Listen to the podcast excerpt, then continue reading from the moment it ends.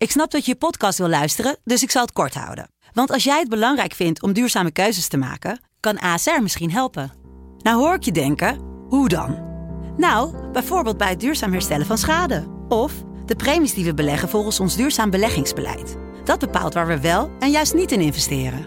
Wil je meer weten over welke duurzame keuzes ASR maakt? Ga dan naar asr.nl slash duurzame keuzes. ASR doet het. Zo, dan kan je nu lekker naar je podcast luisteren. Studio Socrates wordt mede mogelijk gemaakt door Unibed. Há muito tempo você está no meu caminho. Como posso esquecer?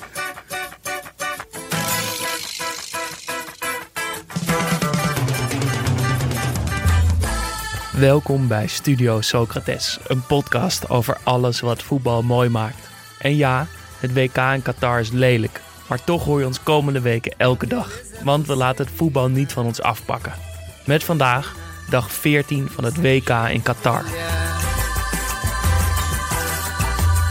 Daily Blitz gets the cross in. Free header backside. Third goal for the Dutch. Dumfries assisted the first two, scores the third. Alegria você. Menina.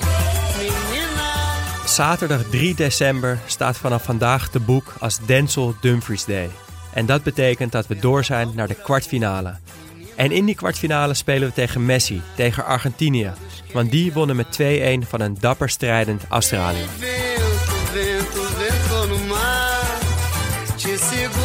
Daan, ik vind het leuk dat wij vandaag eh, de wedstrijd op twee hele verschillende manieren beleefd hebben. Ja, nogal. Ja. Ook omdat ik denk dat iedereen deze wedstrijd anders beleefd heeft. Omdat het zo'n rare wedstrijd was.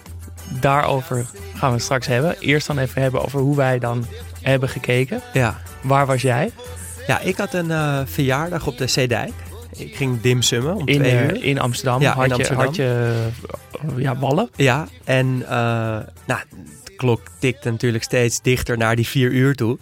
En toen zijn we om de hoek in een café voetbal gaan kijken. En het was voor het eerst dit WK dat ik in een café zat. Eh, café Stopra, eh, Nieuwe Hoogstraat uit mijn hoofd. Heel leuk café. Groot scherm, eh, mooie opstelling qua, qua stoelen, goed zicht op, op de wedstrijd. Er werd een deurbeleid gevoerd. Dat vond ik ook tof. Dat, dat zie je niet zo vaak in kroegen, maar het was echt gericht op het voetbal. Dus er konden nog heel veel mensen bij. Maar die eigenaar had zoiets van: nee, iedereen die hier binnen is, moet goed voetbal kunnen kijken. Ehm, en ja, met, met, met veel vrienden. Voor het, ja, voor het eerst een beetje dat echte oranje sfeertje. Met staan bij het volkslied, meezingen, echt juichen bij de goals. Het was, eh, het was een goede ervaring. Wat goed.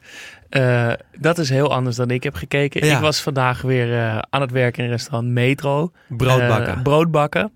Dus ik was om eh, half vier ongeveer, zat ik op de fiets naar huis te racen. Dacht ik, moet ik nu dan nog ergens heen? Moet je nog het pontje over? Moet ik nog pond nemen? Ja. Eh, en eigenlijk ook wel mijn laptop. Als ik dan ergens ga kijken, zo handig om aantekeningen te maken. Voor nu, weet je wat, ik kijk het alleen. Dat was voor mij ook de eerste keer dat ik Nederlands elftal alleen heb gekeken. Hoe voelde dat? Helemaal op een WK is nog, nog nooit voorgekomen. Dus dat zegt ook wel iets over hoe dit WK speelt. Ja, Ehm, maar ik ben er toch achter gekomen. Je moet het opzoeken. Om het te, om Ja. het te laten groeien. Ja, om het echt, eh, om, om die oranje koers te laten leven, moet je het een beetje opzoeken. Maar het beviel eigenlijk heel goed. Ja?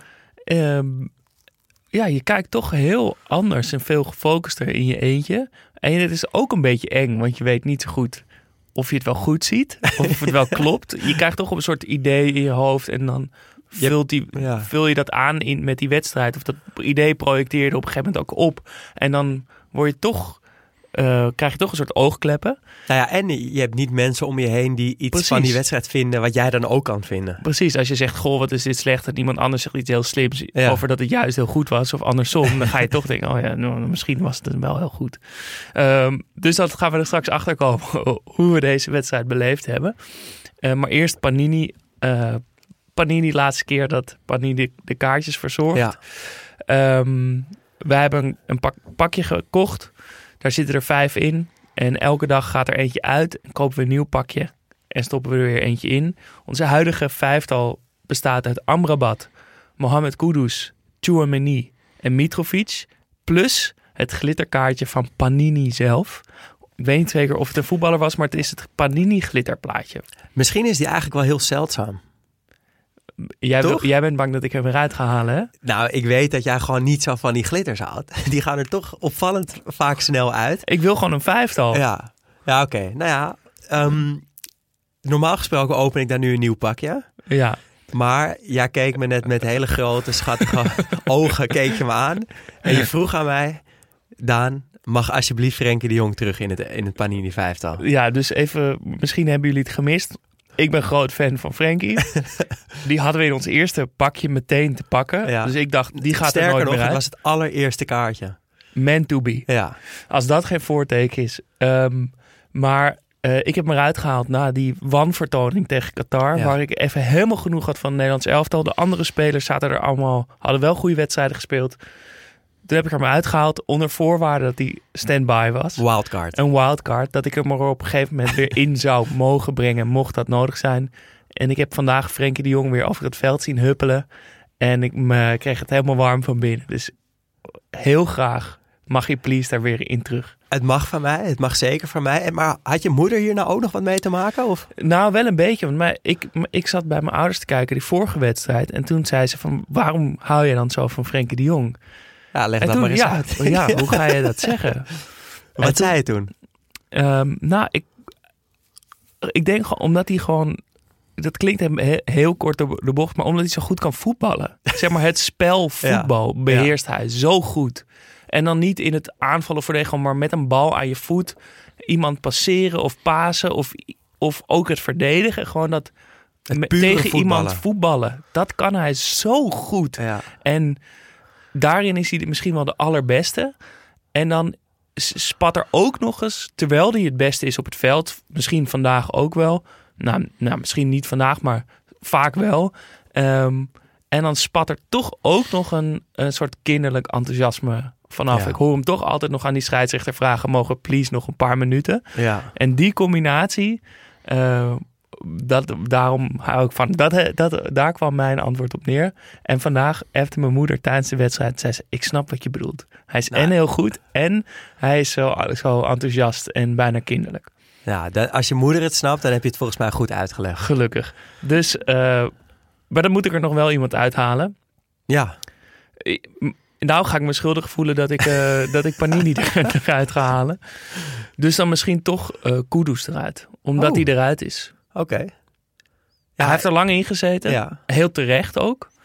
Maar ja, Ghana is eruit. Mitrovic hebben we gisteren nog van genoten. Dus dat komt nog, denk ik. Ja, we hebben toch een innige band met, eh met Mitrovic dan met Kudus wel. Ja, dit WK wel. Ja. Ehm, terwijl we echt van hem genoten hebben. Hij heeft ontzettend goede dingen laten zien. Hij is opgestaan bij Ghana. Ehm, maar ja, helaas. eh Ghana eruit. Kudus eruit. Kudus out, Frenkie in. Frenkie in. Ja, en die wedstrijd begon. De eerste finale. De eerste knock-out wedstrijd. Hadden we het gisteren nog over, hè? dat het toch ongemakkelijk voelt dat we de eerste waren. Ja, voelde, voelde eng. Ja, Eh, maar was dus Nederland-USA. ik wil toch even zeggen, ik eh, heb veel eh, respect voor Amerika gekregen. Mede dankzij Frank, die ons af en toe mailt. onze Amerika-correspondent. Ja, werkt in de technische staf van het Amerikaanse elftal. Alleen ze moeten wel echt kappen met dat soccer versus voetbal. Vandaag weer, who is gonna win, soccer of voetbal? Ja. Kappen nou. American voetbal wordt nog met de voet, nog met een bal gespeeld. Je moet echt, die discussie bestaat helemaal niet. Er klopt helemaal niks van. En het is super irritant, want ik zit heel vaak te googlen voor onze normale, reguliere eh, afleveringen. Ja. Zoek ik ook vaak in het Engels verhalen op van spelers. En als je dan voetbal, of het beste iets in het voetbal, dan kom je altijd weer op die fucking American voetbal. Ik ben er helemaal klaar mee. Dus kappen met die shit. Noem dat, wat mijn Bart, noem dat soccer. Want het heeft helemaal niks met voetbal of met, met ballen of met voeten te maken. Nou, st- volgens mij hebben Biden en Mark Rutte zelfs een soort van dom grapje gemaakt op Twitter hierover. Ja, nou, ik ben blij dat... dat de, nou, Als om meerdere redenen gaan- blij, maar ik had gewild dat dit debat ook was beslecht met deze wedstrijd. Dat is het denk ik gewoon ook, hoor. voetbal is. Ja. En dat ze nog even niet zo En eh, anders beslechten wij het nu moeten gewoon. doen. Precies, het is gewoon voetbal. Goed. Ehm, maar dat gezegd hebbende, veel respect voor Amerika. Ik uh, heb ze hoog, had ze hoog zitten, nog steeds misschien wel. Ehm, maar ja, toen begon die wedstrijd. Ja, en ja, we hebben ze zelf ook wel een beetje de hemel ingeprezen. Als in leuk, fris, aanvallend voetbal. En ja, het was heel erg de vraag wat Nederland daarna tegenover zou gaan stellen. Want ik had voor mezelf heel erg het, eh, het, ja, het idee van: oké, als die opstelling bekend wordt, dan weet ik wat voor een wedstrijd dit wordt. Nou ja, en moet ik wel eerlijk zijn, toen zag ik Klaassen en de Roon en toen dacht ik toch van shit. Is dit nou het Louis van Gaal masterplan waar we allemaal op gewacht hebben? Uh, het wordt gewoon weer die 5-3-2. Weer dat hele verdedigende, afwachtende voetbal. Weer die boterham met pindakaas opstelling. Um, en ik vond, dat, uh, ik vond dat jammer, omdat ik hou heel erg van voetbal waar, uh, waar de bovengrens hoog is. Dus, en volgens mij is dat ook de, de plek waar de trainer zich kan onderscheiden. Van je, hebt, je hebt een aantal voetballers in je team die zijn goed. En je vindt maar een manier hoe je die, al die goede voetballers in een team kan krijgen. Waardoor die bovengrens het allerhoogste is. En Van Gaal heeft nu gekozen voor juist een hoge ondergrens. Van, we mogen niet slechter zijn dan een bepaald niveau. En dat is deze opstelling. En dat bleek in het begin Ja. ook helemaal. De eerste tien minuten hebben we alleen maar achter de bal aangerend. Ik had geen idee waar ik naar aan het kijken was. Ik dacht, ja, zie je, we kunnen dus gewoon niet beter. Nee. Er is geen masterplan. Eh Noppert moest er nog aan te pas komen. Noppert moest er nog, deed hij goed. Ja. Zag er goed uit in, het, in dat lila, vond ik. Nou, dit was een ding wat in het café ook veel de revue passeerde. Die, die outfit van Noppert, dat lila met die groene kiksen. Ja. Zonder scheenbeschermers. Maar Ja. dan vraag ik me af, hebben... Ik wist eigenlijk helemaal niet, opeens niet of keepers überhaupt wat scheenbeschermers om hebben. Ooit. Het moet wel, ja, zeker wel. Ja. En waarom eigenlijk? Maar goed. nou, voor die paar momenten dat ze wild uitkomen met de voet. En weet je wel, dat kan Ja. wel gevaarlijk zijn. Maar hij had ze volgens mij echt niet aan.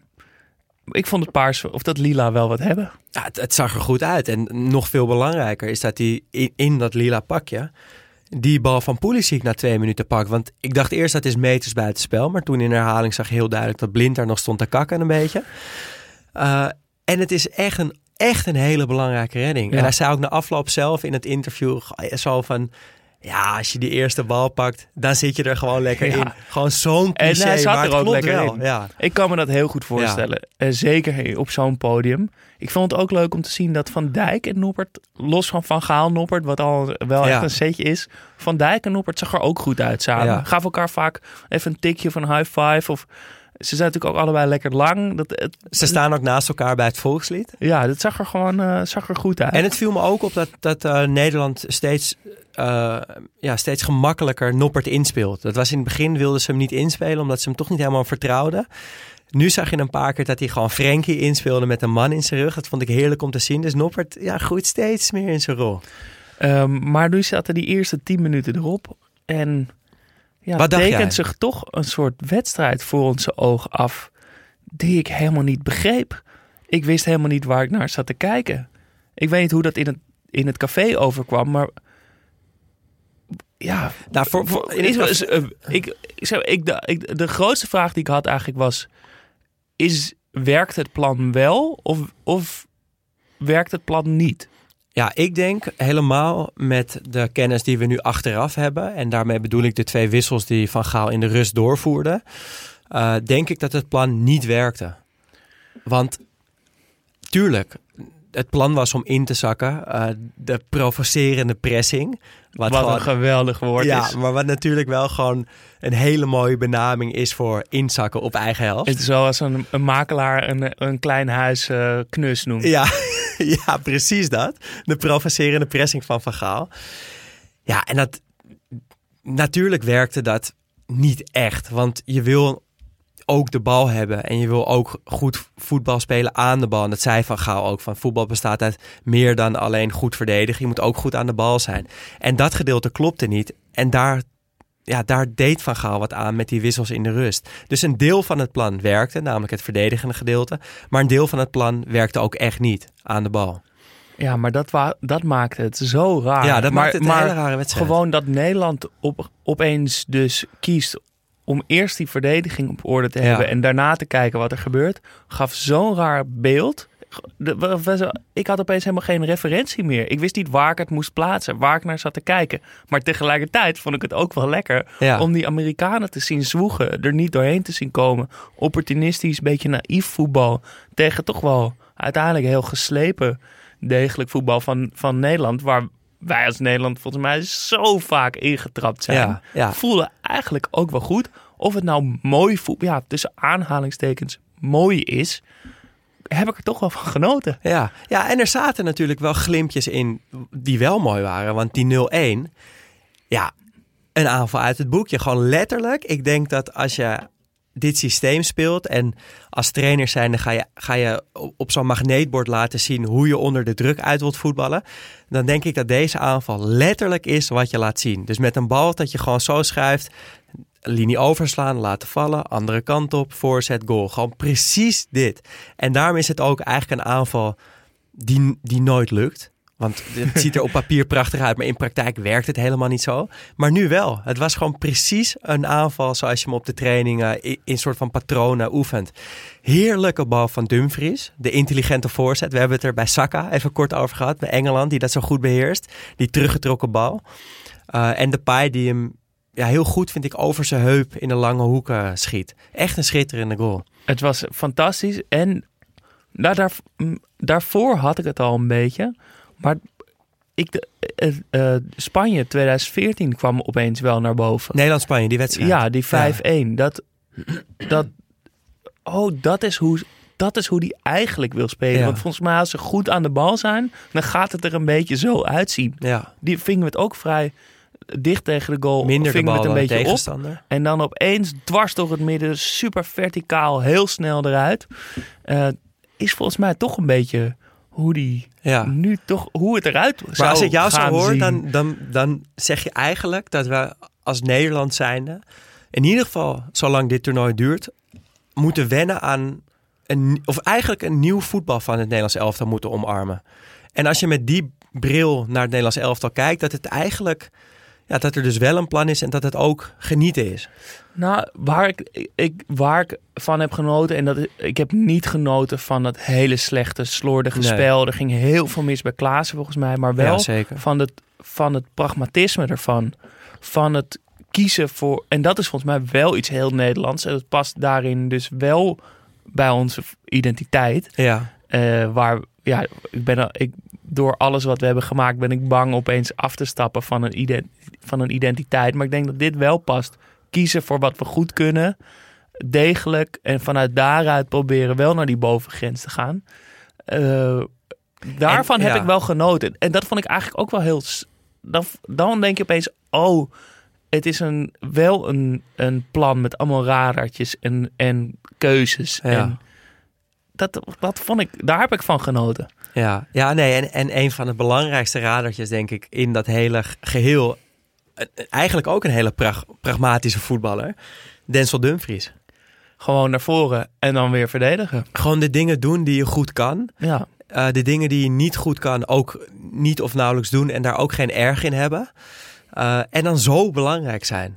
Want hij geeft niet alleen de assist op de 1-0, maar ook de assist op de 2-0. Ene wingback naar de andere wingback. Dumfries op blind. en hij scoort hem nog. Ja. Ja, ja. geweldig. Wat een kop. Wat een, eh, die, de man of the match foto ga ik boven mijn bed hangen. Ja. Die is Staat- zo mooi. Staat hij ook gewoon weer zo norsig, bozig te kijken. Ik dacht dat hij Havertz nadeed. Ja. Maar volgens mij is het gewoon echt hoe die serieus keek. En ik zag ook nog een, een heel mooi fragment van de persconferentie na afloop dat, dat hij met Van Gaal zit. En dat Van Gaal eh, zegt dat hij zo blij met Dumfries is en dat hij dat eerder in de week al heeft laten zien met een kus. En dan zegt hij, "Ja, ik ga je gewoon nu nog een kus geven. En dan, dan pakt hij hem zo en dan geeft hij nog een kus en dan zie je Denzel ook zo glunderen. Het had een heel ongemakkelijk moment kunnen zijn. Ja, maar het werd echt het mooi. werd het Ja. niet. En Blind trouwens ook mooi, die vond ik toch wel mooi. Die, dat hij naar, naar Danny Blind rende, naar de bank toe. Dat ze het even samen vierden. Dat nauwelijks wel. Nou ja, hij- Maar zo- Danny niet. Nee, die was alweer bezig met Ja. allemaal aanwijzingen. Maar, Maar- Daly pakte wel echt dat moment even. Ik vond het zo raar, want de seconde dat Blind scoort, denk je toch dat de regie klaar zit om meteen close naar, naar Danny eh, Ja. te gaan. Maar het duurde tot in de tweede helft voordat we zagen dat ze elkaar ook echt eh, even hadden bejubeld.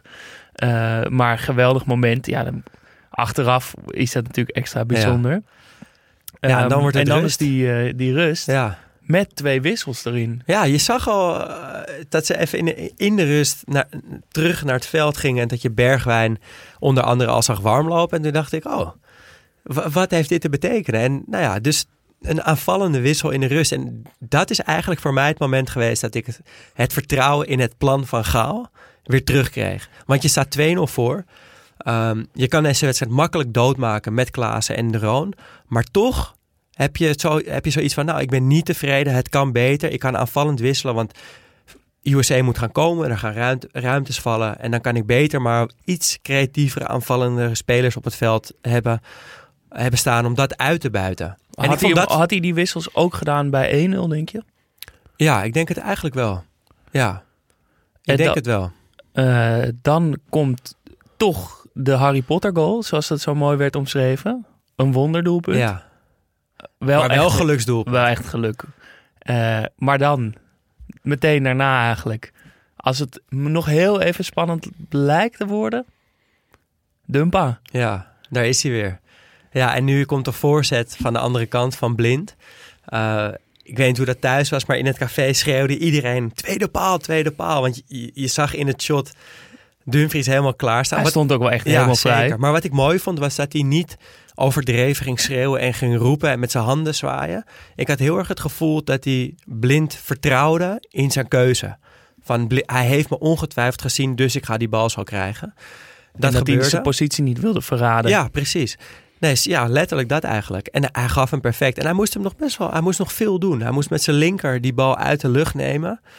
En dat deed hij echt fantastisch. Met zijn harde voetjes. Ja, Ja, en toen won Nederland 3-1. met wel echt, dat moet wel nog even, wel echt een betere tweede helft dan eerste helft, vond ik. maar ook een gevaarlijker Amerika gezien. Ja, ik weet, ik weet gewoon niet meer hoe ik dit moet wegen. Ja, Of ik misschien ook wel de, de- ik twijfel erover of ik de eerste helft beter vond of de tweede helft. Qua voetbal wel, maar qua wedstrijd ja, weet ik niet. En dat vond ik ook, denk ik dat mijn conclusie van deze wedstrijd is, is die totale verwarring bij ons aan tafel. ja. Waarschijnlijk in het café bij jou had iedereen ook een andere mening erover. Ik heb waarschijnlijk een andere mening erover dan jij. Aan tafel bij de analisten was een beetje verwarring. Ja, nou, en, ja, en want puur negati- negativisme. Terwijl bij, bij Sportza en nee. en, bij BBC waren ze lovend. Hadden ze het over een tactical masterclass van Ja. Nederland. En eh, ik vond het eigenlijk het mooiste dat Rafael van der Vaart en Marco van Basten daar aan tafel zaten. Die het gezicht zijn van mooi voetbal en dan De sterven in schoonheid. 2008. 2008 waren zij natuurlijk precies het tegenovergestelde van het pragmatisme van nu. Wel heel mooi, wel heel aantrekkelijk, maar dan dus niet door. En je zag dat zij daar iets over wilden zeggen. Dat zeiden ze ook wel. Maar ze krabbelden hun woorden toch ook wel weer een beetje terug. Dat ze dachten, ja, Misschien, is misschien toch, ja. hebben, zitten wij toch ook wel aan de verkeerde kant of zo. En Pierre van Hooydonk vond het dan wel weer heel goed. Tom Egbergs begreep er helemaal niet zoveel van. Eh, Marco van Basten zei zelfs in de rust letterlijk... waar zit ik naar te kijken? Ja. Was, en dat vond ik denk ik het mooie van deze wedstrijd. Dat Van Gaal dus toch iets heeft gedaan. Waardoor wij nu met z'n allen in totale verbouwering... ge- Hoe noem je dat? Ver- Verwarring. verwarring Ja. achterblijven. Ja. En nog steeds niet echt weten. Want ik, ik twijfel dus nog steeds een beetje aan wat nou het plan van Van Gaal is. Want hij zegt daarna wel op die persconferentie of in het interview... eh, dat ze beter aan de bal hadden willen zijn en meer balbezit hadden willen hebben. Maar is dat wel zo? Jij betwijfelt het een nou, ik betwijfel het een beetje, omdat je... Doordat hij dat zegt, kunnen wij er niks meer over zeggen. Kunnen Ja. wij niet zeggen wat een slappe uh, angsthazen tactiek. Ja. Maar misschien heeft hij wel echt gezegd, en dat zei Van Dijk ook, van ja, het was wel onnatuurlijk om niet door te dekken op die negen, want dan zou er ruimte in mijn rug komen. Dus dat moest ik de hele tijd niet doen. ja. Dus er zitten toch wel dingen in die Van Gaal tegen die ploeg heeft gezegd, waarin ze opgedragen werd niet te veel naar voren te gaan. Ja, nou volgens mij heeft Van Gaal ons dan toch weer waar hij ons hebben wilt. Gewoon in, in totale verwarring, met z'n allen kijkend naar de grote Louis van Gaal. Hoe die dit eh kunststukje nou weer gaat flikken. En ik vind, het, eh, ik vind het mooi en ik heb wel meer vertrouwen gekregen door deze wedstrijd. Echt zeker. Maar meer door de tweede helft dan door de eerste helft. Nou, ook wel door jouw kijker nu op. De- door hoe jij die eerste helft toch eh, op een bepaalde manier weet te draaien. Dat ik denk, nou ja, er, misschien zit daar eigenlijk toch wel echt wat in. Eh, En ik zeg echt niet dat het goed was, hè, want het Nee. was ook heel slordig. En, eh, maar Tuurlijk. toch heel erg dat ze die bal kwijtraakten, vonden ze het volgens mij ook weer niet. Nee. Nou, we raken hier waarschijnlijk nog lang niet uitgepraat. Wij hebben natuurlijk maar twee meningen hierin. En ik denk echt dat iedereen een andere mening over deze wedstrijd heeft. En dat is zo Ja. goed eraan. En deel hem vooral. Hè? Als je denkt je hebt dat je een goede mening hebt, stuur hem vooral in via Instagram of via Twitter. Dan kunnen wij dat ook weer eh, meenemen in ons, eh, in ons betoog. En nu moeten we tegen Argentinië. Ja. Ehm, ja, Wat was dat voor een wedstrijd? Het was toch wel eh, Argentinië wat ook niet heel goed was. Die, die hadden natuurlijk de weg naar boven een beetje ingezet met, met 2-0 Mexico, 2-0 Polen. Ehm, en nu vond ik het eigenlijk weer een stukje minder. En is het, ja, ze zeiden bij de NOS ook dat er ene Messi op het veld staat. Waardoor je toch ja, angst voor die ploeg hebt. Maar jij vindt dat iets te kort door de bocht, toch? Ja, ik vind het, nou, ik vind het gewoon makkelijk om dan te- meteen te zeggen van, nou, wat verwacht je voor wedstrijd? Ja, eh, Messi. Ja, oké, dat is duidelijk. Maar hoe, hoe, hoe voetbalt die ploeg Ja. nog meer? Dat vind ik een vrij, die analyse vond ik vrij kort door de bocht. Maar het is natuurlijk ook wel zo, want zoveel voetbal zit er niet in. Dat hebben ze vandaag ook laten zien, dat ze toch wel, nou, niet moeilijk hadden, maar niet echt het spel maakten. Maar ze vinden ik het dacht ook ook- overduidelijk niet erg. al. Nee, en volgens mij kon je het van tevoren ook helemaal aftekenen. Ik had het letterlijk in het, in het dokje ge- eh, geschreven dat Argentinië laat het een beetje. Australië krijgt vertrouwen, gaat erin geloven. Gaat misschien wel een paar kansen krijgen en dan één of twee foutjes. Kaart afgestraft en, eh, en eh, naar huis. En Precies dat gebeurt wat er dan ook. gebeurd is. Terwijl, maar ik moet ook wel zeggen dat ik daaronder heb gezegd... maar op dit WK Nee, weet je weet niet, wat er gaat gebeuren. Maar zo'n wedstrijd was het wel. Ja. Die, je zag het van mijlenver af aankomen. Ja, ik vond dat Hiddink vooraf nog wel een, een, leuke eh, constatering had. Die zei van eh, Me- Messi eh, zou in deze tijd eigenlijk misschien wel een geweldige middenvelder zijn. Ja. Wij zijn hem natuurlijk gewoon gewend als rechtsbuiten of valse nummer, nummer 9 eigenlijk. Eh, nu is het natuurlijk zo als je zijn heatmap in het veld ziet waar hij de bal raakt, dat het al heel ver veel meer terug is dan voorheen. Maar misschien is hij inderdaad wel gewoon de manier waarop hij nu speelt, dat het, dat het bijna een middenvelder is. Bijna net zo goed als Frenkie de Jong op het middenveld. ja, maar dat, oh, ja, wij zijn, we, Messi is zo erg Messi. Dat Ja. ik het ook, ik moest echt even bijschakelen toen Hiddink dat zei. Dan, oh ja, wacht even. Dat zou natuurlijk best kunnen. En dat zou hij natuurlijk geweldig doen.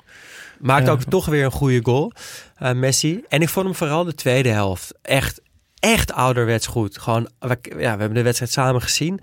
Alles wat hij deed was uit goed. het, uit het café weten los te ja, rukken. moest wel. Maar alles wat Messi deed was goed. Gewoon alles vooruit, alles met een idee. Nooit balverlies, constant eh, de goede keuzes maken. Echt een rustpunt voor dat elftal. Ehm, m- m- maar daardoor ook kwetsbaar. Ehm, en nu zeggen we wel dat, dat eh, Argentinië vrij makkelijk die wedstrijd uitspeelde en eh, de foutjes afstrafte. Dat was ook wel zo, maar het werd toch spannend. Ja, nog een van richting nog. veranderd schot. Dan ga je er toch nog in geloven. En nog één kans. En dat was leuk, want die kwam voor Garren Cole. Die hadden we van tevoren getipt. Ja, Gaat naar Newcastle, groot talent. Deed eigenlijk best wel veel goed. zeker. Ja, het zou, hij zou er maar in vliegen. Martinez, keeper, kwam eh, snel van zijn lijn. Eh, daarna vielen volgens mij Martinez en nog een verdediger... ja, vielen gewoon op hem om hem te feliciteren dat hij die bal pakte. Eh, ja, en Ar- Argentinië wint. En dat wordt dus de volgende tegenstander van het Nederlandse elftal. Ja, en als je dat soort beelden ziet van die Argentijnen die dan nog dus tegen Australië hun keeper zo knuffelen, dan is er wel een voorteken dat het heel lastig gaat Ja. worden om En- tegen ze te scoren. En het lijkt bijna alsof je in Argentinië voetbalt. het was fantastisch. Ja. Ik, eh, ja, nu hoef- we hoeven er nu nog even geen zorgen over te maken, maar ik heb wel echt van genoten. Geen Zela's, maar gewoon 90 minuten lang dat, dat Argentijnse deuntje, ja, dat, dat River Plate Boca deuntje. Ja. Eh, het was fantastisch. Het was een heksenketel. Allemaal in een Argentinië shirt. Allemaal springen. Daar heb ik wel echt van genoten. Ja, en ik, eh, ik vind het ook wel interessant, want het wordt voor beide landen wordt het de eerste echte test, om het zo maar even te zeggen. Tenminste, de eerste keer dat ze tegen een wat ja, groter voetballand spelen. Ehm, je zou natuurlijk normaal gesproken verwachten, oké, Nederland gaat het spel maken, Argentinië gaat inzakken en dan lopen we in die val. Maar dat is nu dus niet meer zo. Misschien juist Ja. wel omgekeerd. Ik denk het nadeel is dat Argentinië die eerste wedstrijd heeft verloren. Want daardoor, Tegen Saudi-Arabië. ja, daardoor onderschatten ze ons niet. Ehm, maar ze zullen wel de favoriet zijn. Dus ja, geen idee. Ik moest ook meteen aan de wedstrijd Nederland-Argentinië met die goal van Bergkamp denken. Die we in zijn geheel Ja. hebben teruggekeken eh, een maand geleden. Ging met, kwam ook meteen weer allemaal alles boven. Het is echt weer een hele mooie. WK-wedstrijd, Nederland-Argentinië. En eh, daarna, ja, als Nederland doorgaat, dan Nederland-Brazilië waarschijnlijk. En anders Argentinië-Brazilië, wat allebei geweldige affiches zijn. Mocht Brazilië, wat we verwachten, natuurlijk wel daar komen. Ja, Genoeg, het belooft, eh, belooft heel genoeg moois om naar uit te, gaan, uit te kijken.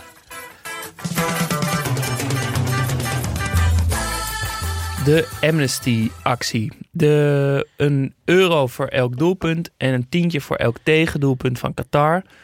Dat brengt ons op 189 euro tot vandaag. Daar kwamen zeven goals bij, dus 196 euro. We kruipen naar de 200. Ehm, die gaan wij overmaken aan Amnesty. Dat kan je zelf ook doen. We hebben een actiepagina op Amnesty. Eh, de link staat op onze Twitter en op Instagram. Daar kan je doneren. Doe dat. Eh, er is al veel gedoneerd. Dat vinden we te gek. Er staat- 915 euro. Nou, we moeten naar de duizend, Ja. jongens. We hebben nog 85 euro nodig. En dan, eh, dan hebben we de duizend. En daar moeten we dan ook weer overheen. Eh zou te gek zijn als jullie ons daarmee helpen.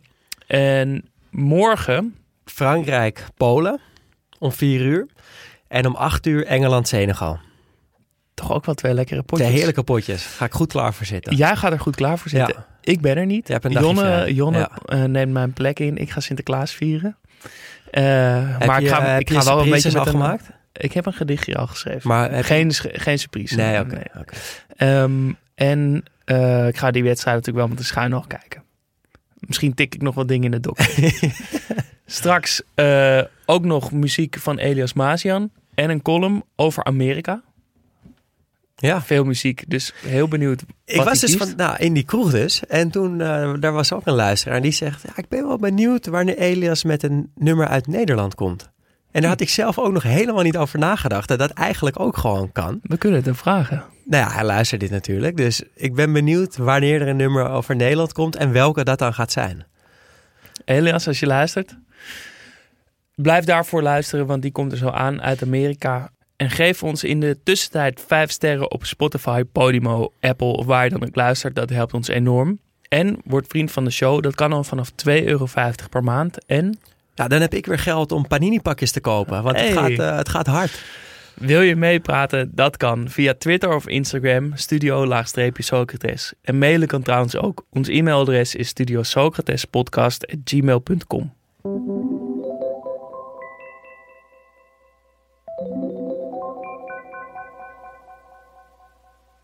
In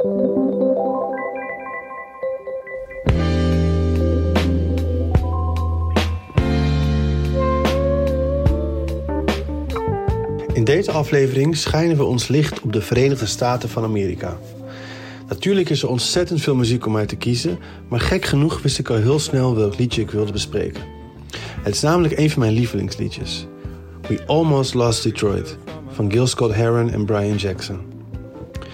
De Amerikaanse zanger zingt over de gedeeltelijke meltdown van een grote kernreactor in de buurt van Detroit, begin jaren 70.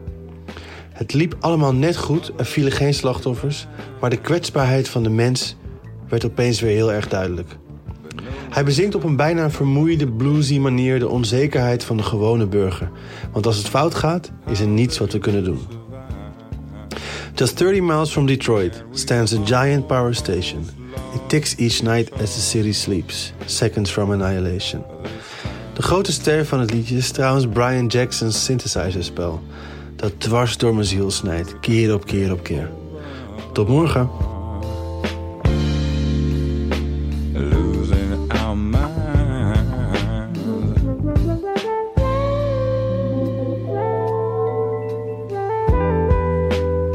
Just 30 miles from Detroit stands a giant power station. It ticks each night as the city sleeps. A seconds from annihilation. But no one stopped to think about the people or how they would survive.